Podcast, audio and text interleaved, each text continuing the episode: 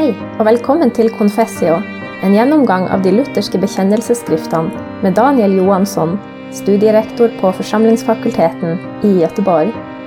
Podkasten er produsert av foross.no. Idag kommer vi till den fjärde genomgången av vår evangelisk-lutherska bekännelse som vi har i Svenska kyrkans bekännelseskrifter. Och idag så ska vi komma in på den bekännelseskrift som är längre och mer omfattande och som vi kallar för den Augsburgska bekännelsen. Ehm, det finns här i kyrkan så har vi lagt fram ett antal bekännelseskrifter som ni kan låna och för er som är med via internet så ska texten för den första artikeln komma upp. Ehm, språket är väl kanske lite gammaldags. Vi, vi använder en, en översättning ifrån den första delen av 1900-talet. Det finns idag en modernare översättning av den Augsburgska bekännelsen som Rune Söderlund har gjort och som har kommit ut på EFS förlag. Den kan man med fördel skaffa om man är intresserad. Ehm, jag ska säga någonting om bakgrunden till den Augsburgska bekännelsen inledningsvis, men jag kommer under genomgången av de olika artiklarna pytsa ut lite mer av genomgången så det blir alldeles kort här. Den Augsburgska bekännelsen lades fram av de evangeliska furstarna vid riksdagen i Augsburg 1530. Det är idag, vad blir det, nio dagar eller så, det är den 25 juni man la fram den för precis 490 år sedan i år. Eh, Bakgrunden till den Augsburgska bekännelsen eh, var den att kejsaren Karl V som regerade över det tysk-romerska riket som bestod av stora delar av Europa. Han hade kallat till riksdag i Augsburg. Augsburg som ligger cirka sex mil nordväst om München och är idag den tredje största staten, staden i delstaten Bayern. Bayern var och har förblivit ett, ett rom, en romersk-katolsk delstat, regerades av, en, av romersk-katolska furstar. Så eh, mötet ägde rum på mark som regerades av de påvetrogna. Och det innebar att Luther själv kunde inte resa till det här mötet. Han var ju i rikets akt. Vem som helst kunde i praktiken avrätta honom. Så han eh, kunde bara resa i områden som regerades av evangeliska furstar. Nu var det så här att kejsaren hade kallat till mötet av två skäl. Det ena var det att turkarna stod utanför Wien och han behövde eh, de tyska furstarnas eh, bistånd och hjälp. Han behövde pengar och han behövde soldater för att slå tillbaka turkarna. Och han förde dessutom ett krig med kungen i Frankrike. Men den tyske romerske kejsaren Karl V, han ville faktiskt också att kyrkan skulle reformeras. Han tyckte dock att Luther var alldeles för radikal. Men vid det här tillfället så ville han veta mer om vad den evangeliska tron stod för. Och eh, de evangeliska furstarna blev kallade till mötet och, fick i uppdrag att lägga fram den evangeliska bekännelsen. Eh, den av reformatorerna som fick uppdraget att skriva den var Filip Melanchthon. Och när han och andra teologer och första kom till mötet så tänkte man, eller man trodde att man bara skulle behöva ta upp det som var så att säga det man ville reformera i kyrkan, det som man tyckte var missbruk, det som det behövde ändras på. Men när de kom dit så fick de reda på att en av Luthers starkaste motståndare, Johan Eck, han hade publicerat 404 citat, artiklar, där han hade buntat ihop Luther med Langton, med Zwingli, med anabaptister, de som förnekade barndopet med sådana som till och med förnekade eh, treenighetsläran. Alltihop hade sammanflätats. Och han hade dessutom tagit många av de här citaten ut ur sitt sammanhang. Så det här föranledde Melanchthon att få skriva egentligen en hel bekännelse där man markerar tydligt vad man står för och vad man tar avstånd ifrån. Ehm, så det, det är bakgrunden och slutprodukten blev 28 stycken artiklar eller delar, där 21 är delar i vilka man positivt lägger fram läran. De anser man inte vara kontroversiella egentligen. Och så de eh, eh, sista artiklarna, de är så kallade missbruksartiklar i vilka man tar upp det som man anser har blivit fel i kyrkan och som ett kyrkomöte borde ändra på.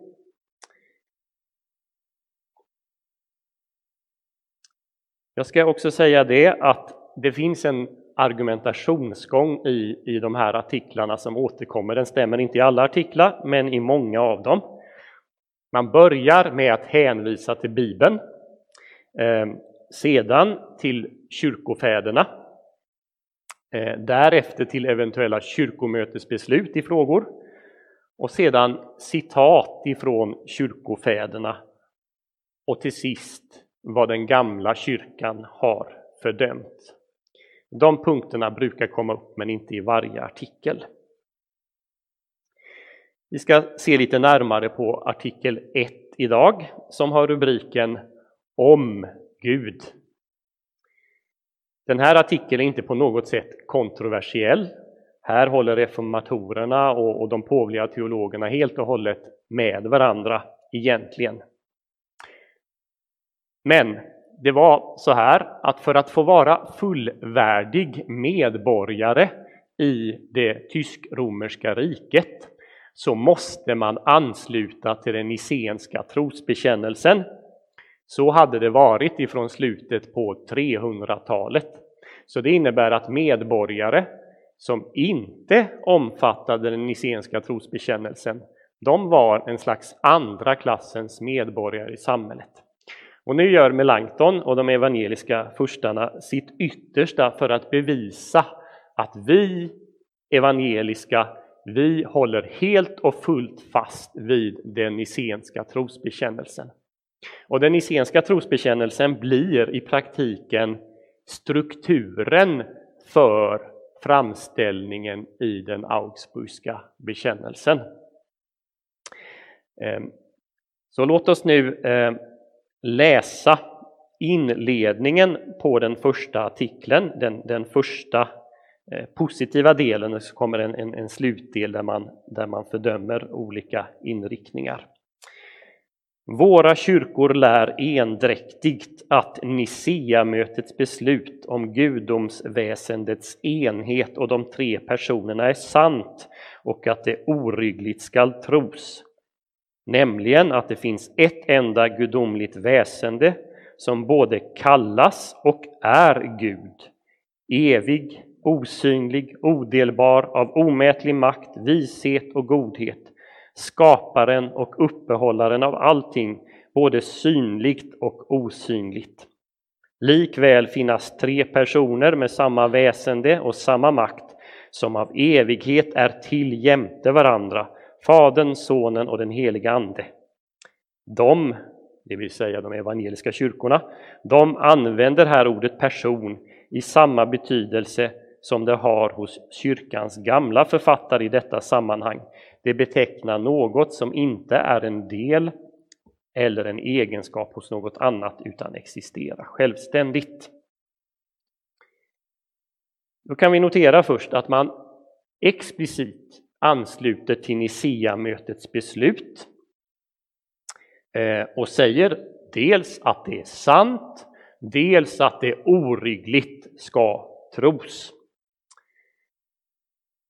Till bakgrunden hör här att i, i den här eh, skriften av Johan Eck så hade han påstått att Luther hade avvisat Nicea-mötets beslut. Han hade tagit ett citat ifrån Luther där han skulle ha sagt Min själ hatar homoousion. Eh, det var ju så, som ni kommer ihåg från genomgången av Nicea, att man hade infört ett filosofiskt begrepp, homoousios, som betyder av samma väsen, för att förklara enheten mellan sonen och fadern. Luther var lite kritisk emot att man hade infört minst sagt kritiskt infört och, och, så mycket av filosofiska begrepp och filosofi hade fått påverka hur man läste Bibeln. Ehm, och då hade han väl någon gång yttrat att han inte gillade det där eh, filosofiska begreppet. Men det betyder inte att han om, inte omfattade bekännelsen, tvärtom hade han fastslagit det många, många gånger. Men det här är ett av skälen till att man så grundligt vill slå fast att man delar Nicea-mötets beslut och bekännelse vad gäller gudomen. Och då blir det lite, lite repetition här nu, vilket jag tror är bra efter att ganska snabbt ha gått igenom tre ganska långa trosbekännelser i fornkyrkan, att vi får en repetition av det viktigaste där i innehållet. Och, och då kan man se hur, hur Melanchthon här delar upp sin argumentation i, i två delar. Först slås det fast att det finns ett enda gudomligt väsende, det finns en enda Gud. Och sedan så slås det fast att det likväl finns tre personer. För ni kommer ihåg att från fornkyrkan så fanns det dels tanken på att det skulle finnas många gudar eh, som man tog avstånd ifrån. Man höll alltid hårt fast vid bekännelsen på en enda Gud. Men likväl fanns det tre personer, finns tre personer. Och då var det de som ville förklara förhållandet mellan Fadern och Sonen och Anden på det sättet att ja, det finns en enda Gud, men han uppträder under olika masker, det vi kallar modalismen. Det hade man avvisat i fornkyrkan. Man hade till exempel argumenterat för att det, det kan vara omöjligt därför att vi ser hur Jesus i ett semane och vid andra tillfällen ber till sin fader. Vi hör Fadern kommunicera med Sonen. Vid Jesu dop så uppträder tre olika personer samtidigt. Så här slår vår lutherska bekännelse fast. Å ena sidan monotismen, å andra sidan treenighetsläran, tre personer. Och eh, för att riktigt befästa det här så att man inte ska missförstå det så tar man upp en gammal definition av vad person är. En, en, en, definition som fanns hos kyrkans gamla författare. En person är något som inte är en del eller en egenskap hos något annat utan existerar självständigt. Det är för att göra åtskillnad på Fadern och Sonen och Anden. Vi fortsätter att läsa eh, de två sista paragraferna. De fördömer alla kätterier som uppkommit i denna punkt, såsom manikéerna, vilka antog två urprinciper i tillvaron, en god och en ond. Likaså valentinianerna, arianerna, evnomianerna, muhammedanerna och alla andra dylika. De fördömer även eh, samosatenerna, gamla och nya, som förfäktar att det endast finns en person och därför om ordet och den heliga Ande illfundigt och hädiskt säga att de inte är särskilda personer utan att ordet blott betyder av stämman frambragt ord och anden endast är en skapad rörelse hos tingen. Ja, vad betyder det här? Ja, till att börja med ska vi notera vad, vad det betyder att man fördömer, att man fördömer alla kätterier. Det här betyder att man avvisar de här grupperna som stående utanför kyrkan och därmed utanför saligheten. Och så har kyrkan alltid lärt. Om man inte omfattar den niceiska trosbekännelsen så är man ingen kristen. Och, och det här ansluter den lutherska kyrkan till och fördömer det. Det tillhör den kristna tron att man omfattar den niceiska trosbekännelsen. Ehm, och så räknar man upp ett antal grupper här som man behöver förstå. Vad, vad lär de här egentligen? Ja, den första gruppen, manikéerna, Eh, den förklaras ju eh, av Melanchthon. Manikéerna antog två urprinciper i tillvaron. Det innebar i princip att alltså han menade att det, det finns två, en god, ska vi säga, gudomlig kraft och en ond kraft som tävlar om makten i tillvaron. Mani han, han hade uppträtt i Persien på 200-talet efter Kristus och lärt det här Men han hade också tagit in vissa kristna idéer eh, i det här. En slags synkretistisk eh, trosföreställning. Och det var så att Augustinus under en tid tillhörde den här rörelsen, manekismen. Men den avvisas här. Det finns bara en enda ursprunglig makt, nämligen Gud som är god. Det onda har tillkommit Eh, senare. Sen nämns valentinianerna. Valentinus, han var en gnostiker som levde på 100-talet, man tror han föddes år 100. Ehm, som i en slags eh, synkretistisk gnostiism förde samman kristna idéer med, ska vi säga, allmänt eh, antika idéer. Och i praktiken så, så lärde man bland annat eh, en, en slags eh, eh tro på, på flera gudar. Så här avvisar den, avvisas den gnostiska förståelsen av vem Gud är och till det hör ju bland annat att skaparguden är ond. Här ansluter man återigen till tanken på att skapelsen som sådan är ursprungligen god. Arianerna, det har vi redan talat om, det var efterföljarna till Arius och de som hade avvisats vid mötet i Nicea år 325. Sen nämns evnomianerna. Evnomius, eh, han dog 393. Han var en, en form av extrem arian. Det var nämligen så här att efter mötet i Nicea år 325 så kom under en tid arianerna i någon light-version att ha en någon slags majoritetsposition i kyrkan. Athanasius han blev till exempel landsförvisad under ett tag. Ehm, så det dröjde fram till slutet på 300-talet innan, innan man, man lyckades avvisa arianismen helt och fullt. Men den här Evenomius, han eh, lärde att sonen var olik fadern. Och han ändrade i dopformen så att när han döpte så döpte han inte i den treenige Gudens namn utan istället så döptes man till Kristi död och så sänkte man ner personen inte tre gånger utan en gång. Efter det här så nämns en grupp som vi kanske är lite förvånade över att man tar upp därför att vi betraktar islam som en annan religion.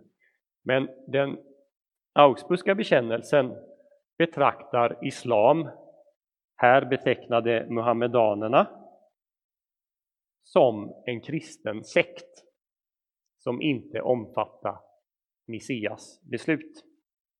Och det finns väl kanske politiska skäl till att de tas upp här. Muhammedanerna står utanför Wiens portar. Kejsaren har begärt stöd och hjälp ifrån de evangeliska furstarna för att avvärja det där hotet. Och nu tar man också upp den här gruppen. Eh, och det var ju så, eller är så med islam, att, att det, dess uppfattning eh, om, eh, om Jesus, om, om Gud, är, är väldigt lik, ska vi säga, den arianska uppfattningen. Och man tror till och med att Muhammed själv kan ha varit eh, delvis påverkad av arianska föreställningar. Så kommer den, den sista och sjätte gruppen som tas upp här, eh, nämligen de som var efterföljare till Paulus av eh, Samosata. Han levde lite tidigare, på 200-talet, 200-talets början. Han lärde om Jesus att han var en vanlig människa som vid sitt dop hade blivit beklädd med den heliga Ande. Och han han tänkte sig att Jesus var mer som den tidens superhjältar. En slags Stålmannen eller liknande. Det fanns många sådana föreställningar i, i antiken. att det, om vi tänker på Herkules till exempel och hans tolv storverk så var han halvgud, halvmänniska. Eh, en hjälte som kunde göra underverk. Och så tänkte, i, i de kategorierna tänkte Paulus eh, också, Paulus av Samosata, om Jesus. En slags gudomlig människa. Och den positionen avvisas också. Men nu var det så här under eh, 1520-talet att när reformationen började så kan man säga att en, en lång rad olika krafter släpptes lös. Under 20-talet och framåt så kan man se hur den ena falska läran som avvisats i fornkyrkan efter den andra liksom poppar upp på olika håll. Och det är troligt att när man nu nämner här gamla och nya eh, samosatener som nya tänker sig en man vid namn Johannes Campanus. Eh, han hade nämligen just vid den här tiden gått ut och förnekat treenighetsläran. Och han hade velat diskutera eh, det här. Och eh, det, det, är särskilt därför man, man tar avstånd ifrån den här, de här personerna. En ännu mer berömd förnekare av treenigheten kommer med en skrift där han, han publicerar en skrift året efter 1531. Han hette Servetus, han var en, en spansk läkare. Han åkte omkring, eller reste omkring i Europa och propagerade för att Gud inte var treenig. Eh, och det slutade faktiskt i hans fall med att han på grund av denna heresin blev avrättad i Genève år 1553. Så för att sammanfatta det hela så tar Melanchthon här upp, repeterar, bekänner lärorna från fornkyrkan, man tar avstånd ifrån de värsta heresierna i fornkyrkan och några som senare uppstått, nämligen det vi kallar islam på 600-talet och sedan senare i, i, i samtiden på 1500-talet. Om vi skulle tillämpa det här idag Eh, så skulle vi kunna nämna en rad moderna grupperingar. De flesta av oss tänker väl i första hand på Jehovas vittnen, som ju är utpräglade arianer. De förnekar Kristi gudom. Eh, vi kan tänka på islam som har en stor närvaro i Europa. Vi kan också tänka på diverse grupperingar som mer på ett påtagligt sätt ändå vill bära det kristna namnet. Det finns de Eh, kyrkor, särskilt i USA, som lär att det är bara Fadern som är Gud. Men det finns också andra varianter som i praktiken bara lär att Jesus är Gud. Och sen har vi det som många stöter på när man studerar teologi vid universiteten, liberalteologi, som sedan mitten av 1800-talet har förnekat framförallt Kristi gudom, eh, kanske också Andens gudom.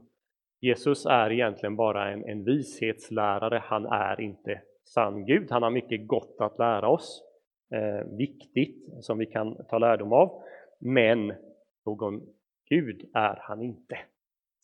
Och på samma sätt, en sista liten kommentar, när man läser eh, översättningen från eh, NT, NT 1981 eller, eller Bibel 2000 så märker ni där att anden genomgående skrivs med liten bokstav, vilket tycks antyda att anden är en kraft snarare än en person. Eh, och, och, det är något som träffas av den här artikeln också, eh, när det nämns att anden till slut endast är en skapad rörelse hos tingen. Anden är enbart att betrakta och förstå som en kraft.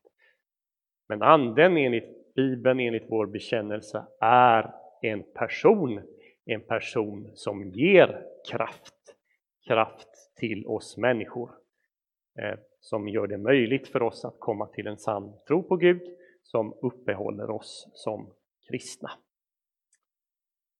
Detta om den första artikeln i Confessio Augustana. Nästa tillfälle så ska vi se på den andra artikeln och då handlar det om människans skapelse och syndafall. Tack för att du hörde på Confessio. Vi tillbyr också andra podkaster, exempel Table Talks, som går igenom alla söndagstexter i kyrkoåret. Besök oss gärna på foross.no.